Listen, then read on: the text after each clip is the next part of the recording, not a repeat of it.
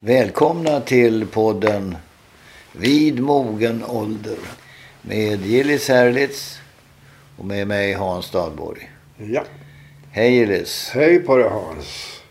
Ja, förra gången så talade vi mycket om ledarskap. Och eh, en reflektion som jag har haft sedan dess det var att väldigt få, väldigt många människor får inte leva ut sin fulla potential. På arbetsplatsen? På arbetsplatsen. Ja, och skälet är ofta alldeles för snäva eh, organisationer, för snäva strukturer och alldeles för fega chefer. Ja, du har så rätt i det. Det håller jag med. Men du, det där knyter an till ett begrepp, till eh, företagskultur eller arbetsplatskultur. Visst fick vi ett, eh, ett mejl om det från en lyssnare? Ja, en trogen lyssnare som heter Axel Sjöstedt.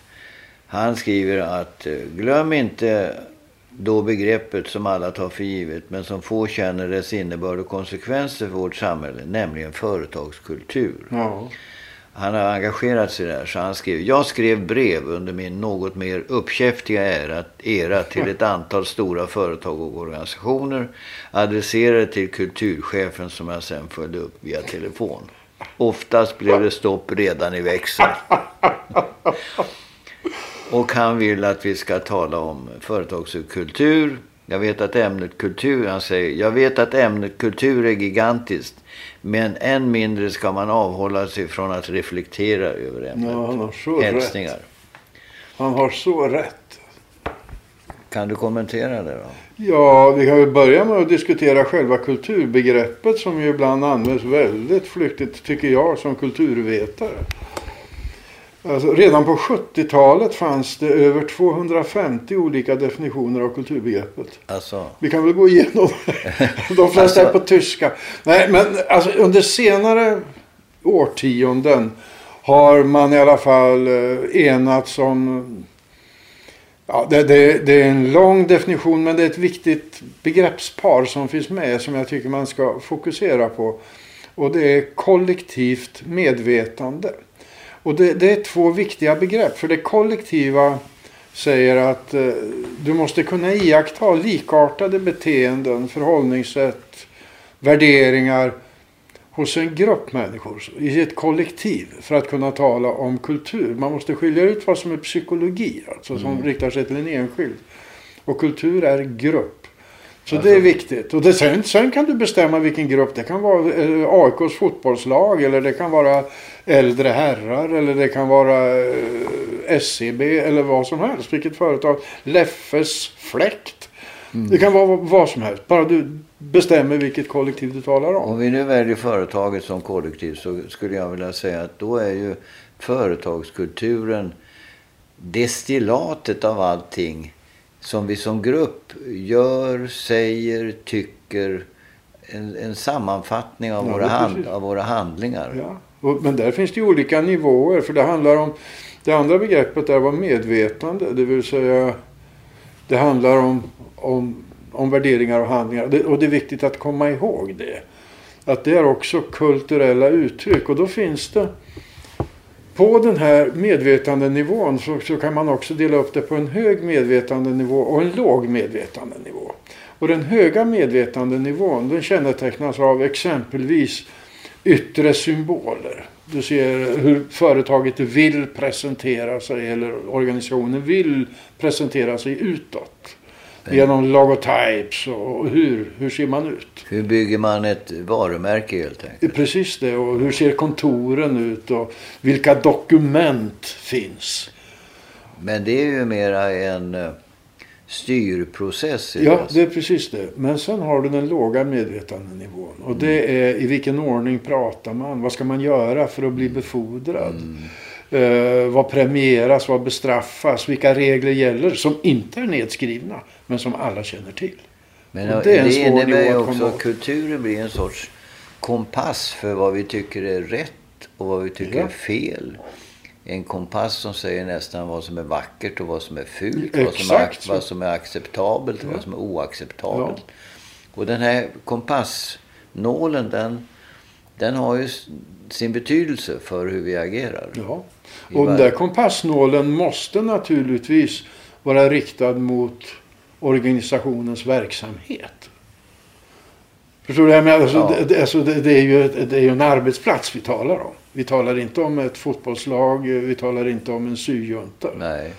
Utan det är en verksamhet och olika typer av verksamheter bör och kommer att befrämja och bestraffa olika typer av beteenden. Mm. Exempelvis om du tittar på att vara aktiv på börsen. Ett, ett, ett viktigt beteende där, ett belönat beteende, är ju riskvillighet. Ja. Annars är det knepigt. att Ja, ja. Men riskvillighet blir då premierat i de sammanhangen.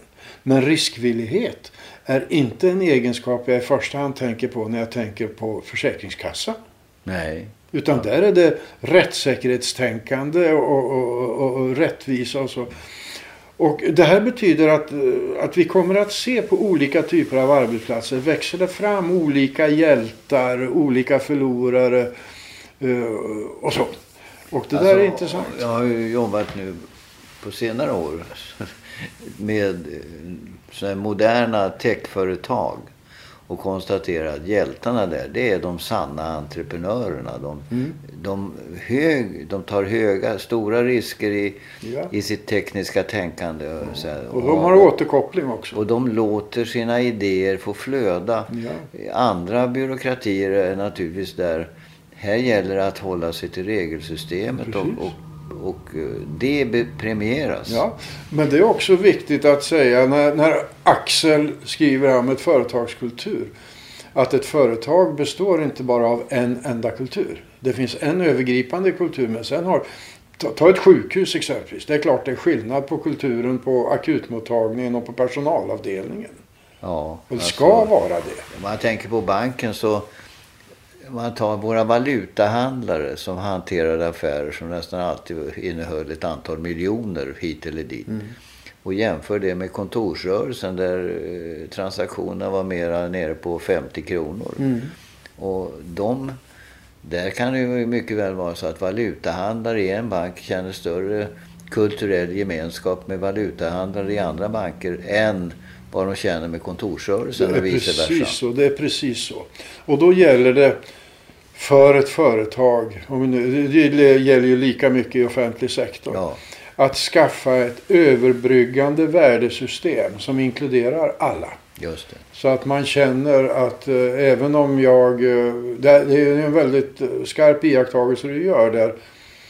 Att eh, de som jobbar med likartade saker utvecklar likartade kulturella värdesystem.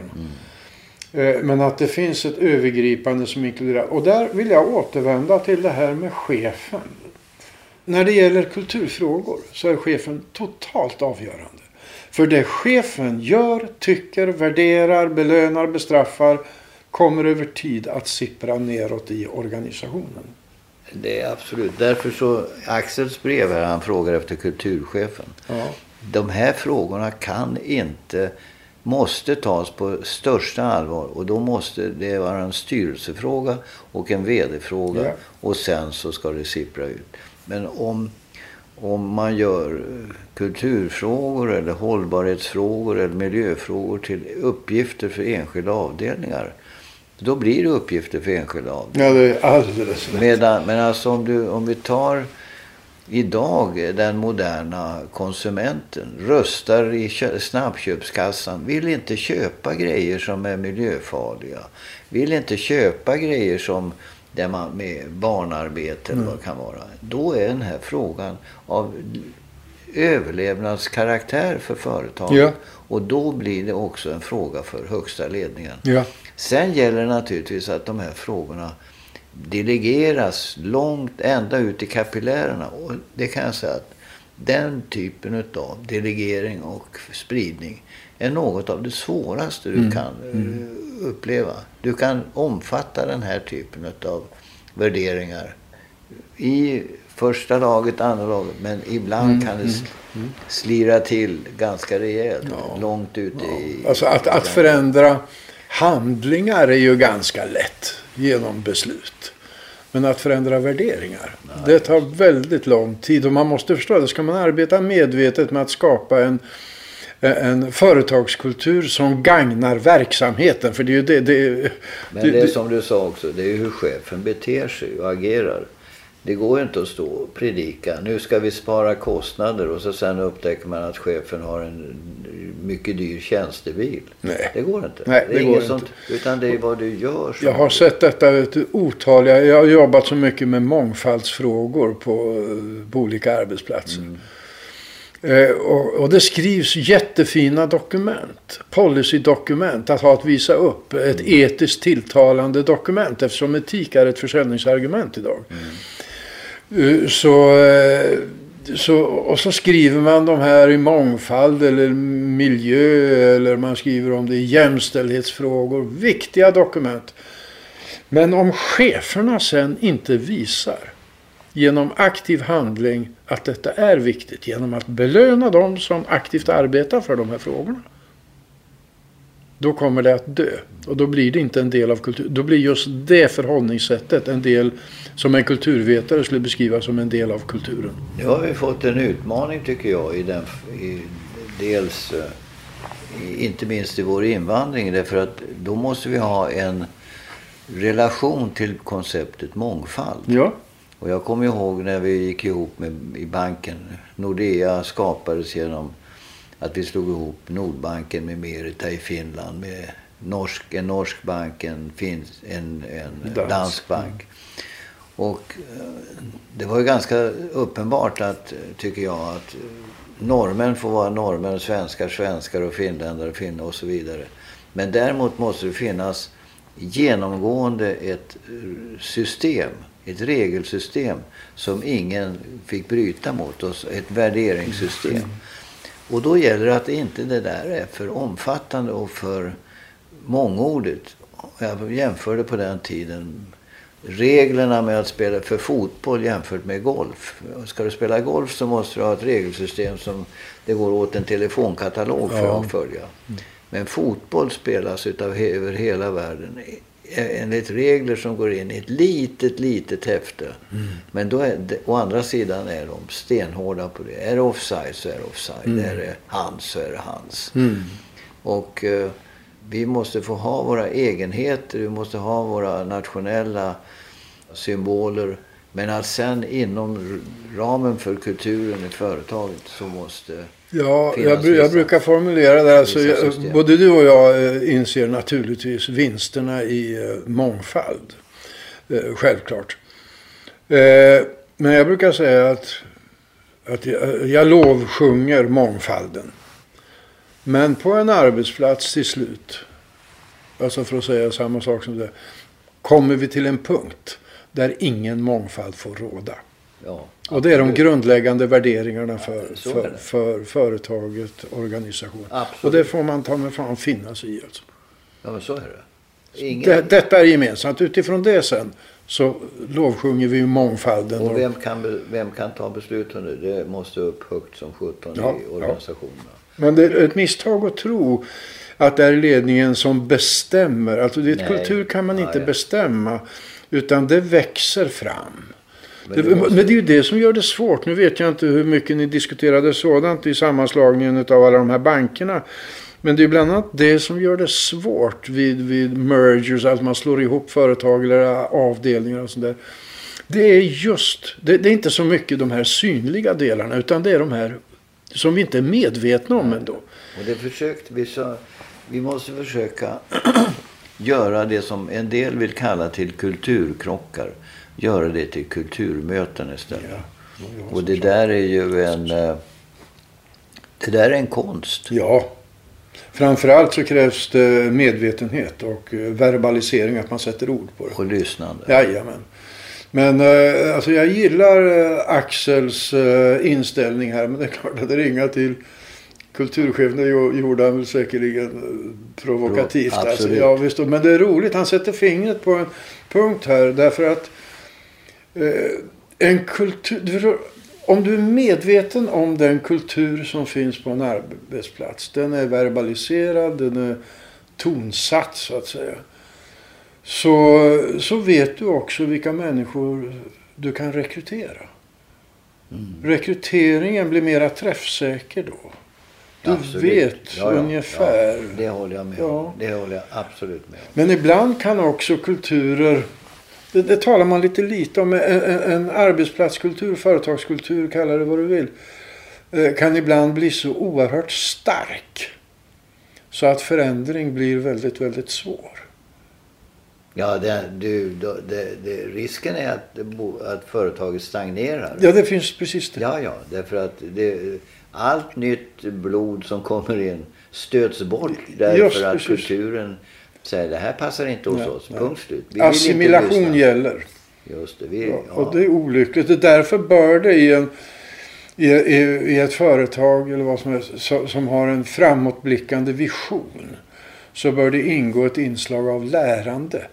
En lärande organisation vilket öppnar ögonen eh, Alltså för den- människor. Du ser på den dramatiska förändring som sker nu med digitaliseringen. ja, Där eh, man kom med den här e-handeln vid, vid år 2000, 2001 och det brakade ihop alltihop. Mm. Idén fanns där men genomförandet var inte eh, stabiliserat. Idag tar ju e-handeln, den tog ju 30 procent av julhandeln ja visst.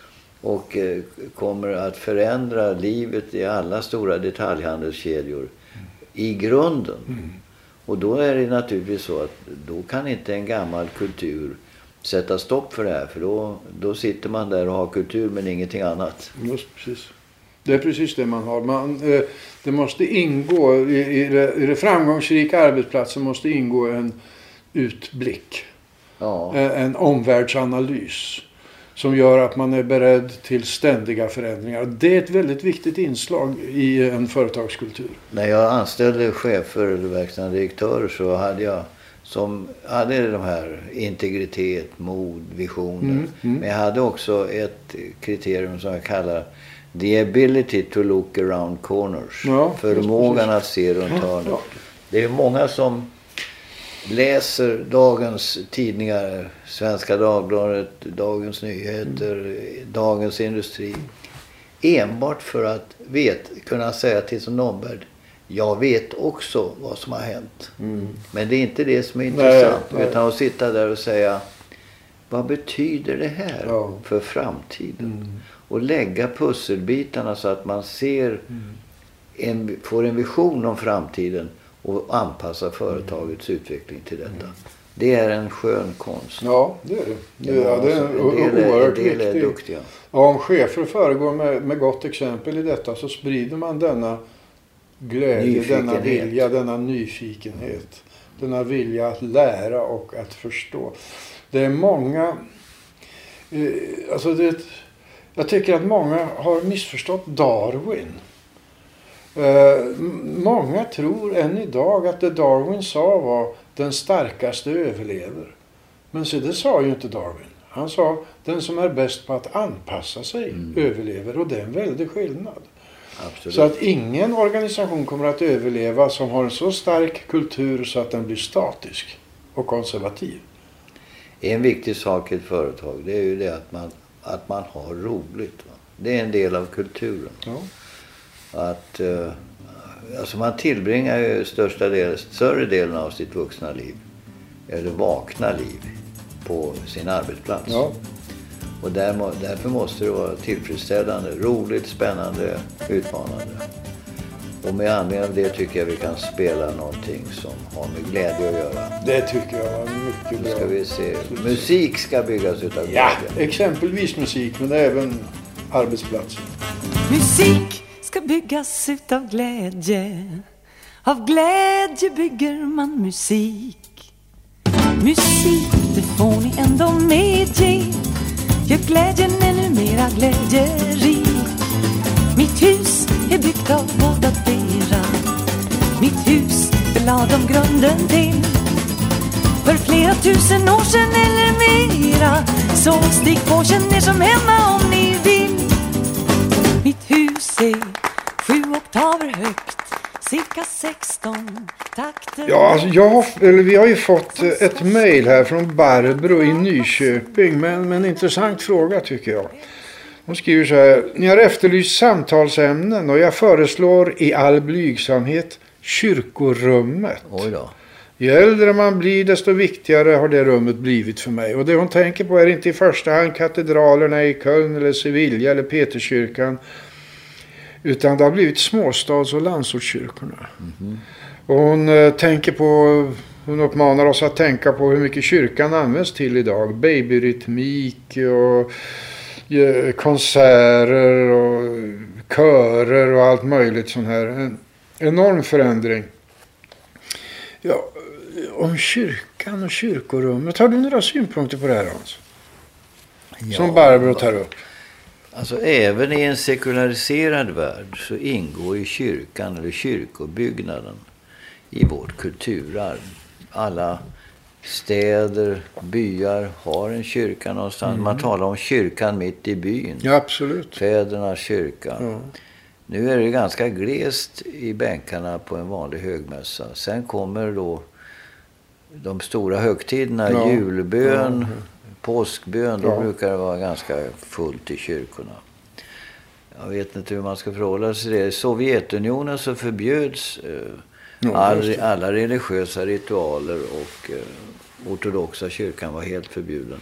Sen öppnade ju Gorbatjov upp, upp det här så småningom och då fylldes kyrkorna igen i, i eh, Ryssland. I Sverige är det nästan tvärtom. att Vi hade ju en statskyrka. Den beslöt, det var ju Gustav Vasa som tyckte det var en ganska smart idé. att- Mm. Ja, Att eh, få kontroll över kyrkans egendom. det var inte av religiösa skäl. Ja, nej, det, ändamålen helgade Ja, medlen. absolut. Det här skedde ju i Västerås som jag kommer ihåg 1527. Sen, och då var den katolsk, men sen beslöt man 1544 att det skulle vara protestantiskt. Och då kunde man ta, Luthersk ja, evangelisk. ja, då kunde man ta på sig ännu mera. Men Ja. då, då skulle ju, det innebar ju att man predikade på svenska och, Exakt, och så vidare. Men eh, och kyrkan var ganska konservativ. Det var först 1959 som man fick eh, kvinnliga präster i Sverige. Ja, under visst motstånd från Ja, eh, ja. västkusten i första hand. Absolut. Sen, sen övergav man tanken på statskyrka. En stor utredning. 98 till och 2000. Jag var till och med lyssnade i riksdagen på det där. Då, då, av, då avslutades statskyrkan och ersattes av trossamfundet Svenska kyrkan. Som fortfarande då eh, tar in skatt via skattsedeln för de som vill vara kvar. Och som eh, har någon sorts officiell prägel med en ärkebiskop i Uppsala och så vidare. Men eh, det, det, frågeställ, frågeställaren har ju rätt i den meningen att, att eh, kyrkorummet är glest besökt under normala söndagar jämfört med hur det var förr i tiden. Ja, absolut.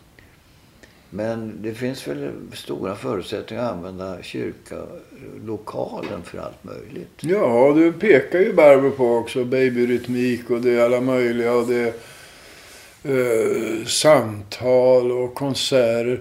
Jag tycker, så här, utan att vara riktigt genomtänkt, att jag tycker nog att alla oavsett om man är medlem i det här trosamfundet eller inte borde betala en skatt. Och Jag vet inte om det ska heta kyrkoskatt eller vad det ska heta. Därför att kyrkobyggnadernas underhåll och eh, fortlevande är av ett stort kulturhistoriskt värde. Men det är väldigt många.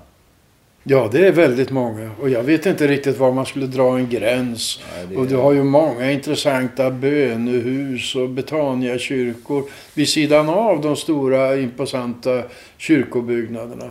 Jag har ju väldigt, tillbringat väldigt mycket tid på Gotland och där finns det ju på, Ja. alltså, så 92 medeltida kyrkor. Ja. Så visst, det, det går åt mycket pengar. Men de står som monument och påminnelser om en tid som har varit. De skvallrar om hur rikedomar har kommit och gått. Hur långhuset plötsligt blev mycket mindre än koret därför att man inte hade pengar längre. Jag Och så måste ju vidare. säga att eh, kyrkorummet som sådant inbjuder till stillhet, till eh, meditation Mm. Ja. och eftertanke.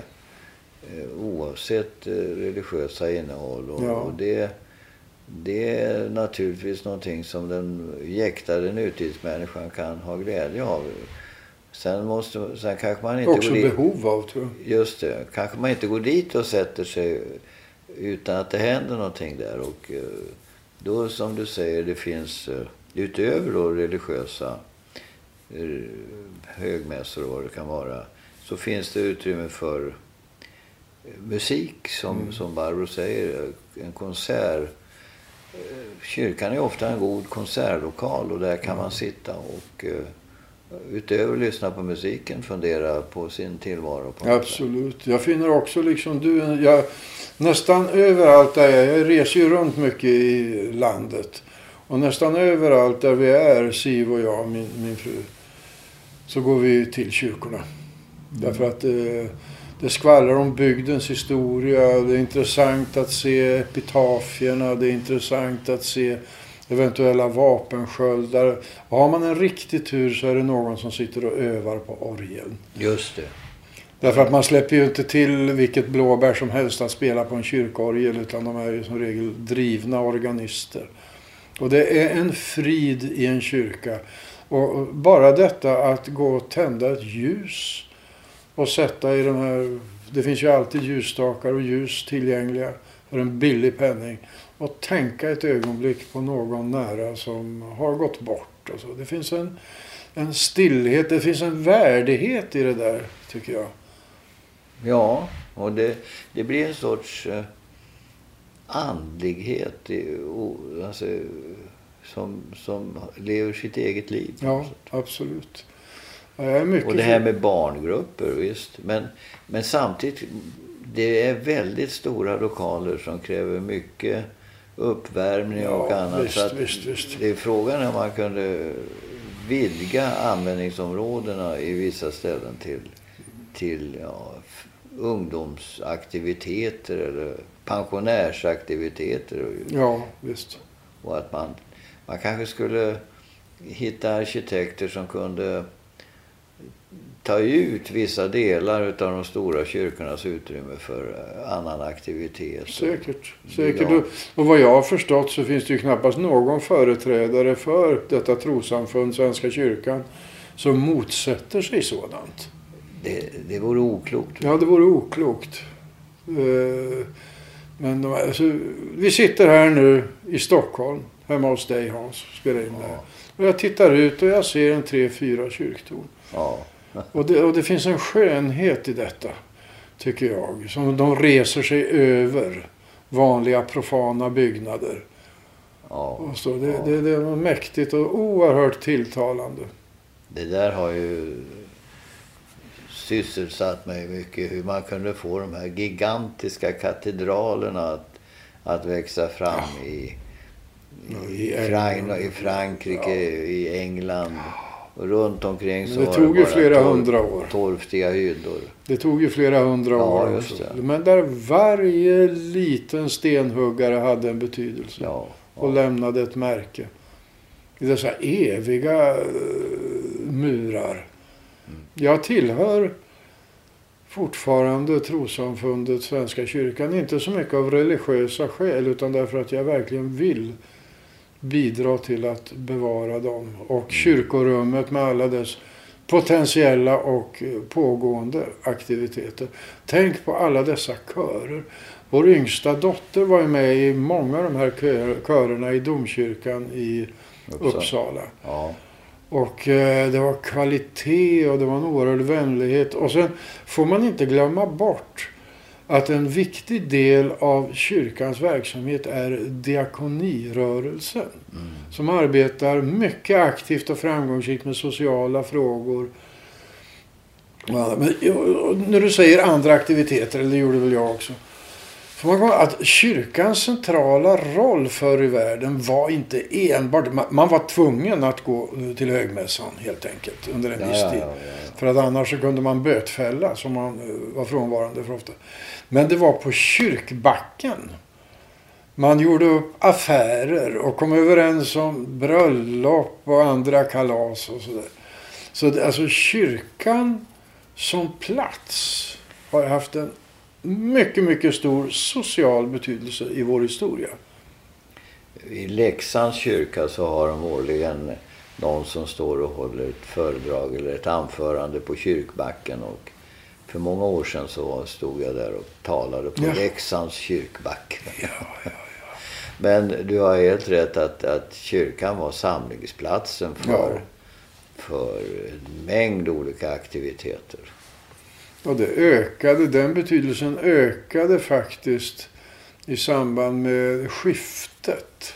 Det Alltså, vill säga man spred, gårdarna spreds. Så Ja, människor hade inte den vardagliga sociala kontakten nära sig. Och eh, då blev kyrkan och men liksom godtemplarlogen och, och, och, och där blev eh, extra viktiga som samlingsplatser.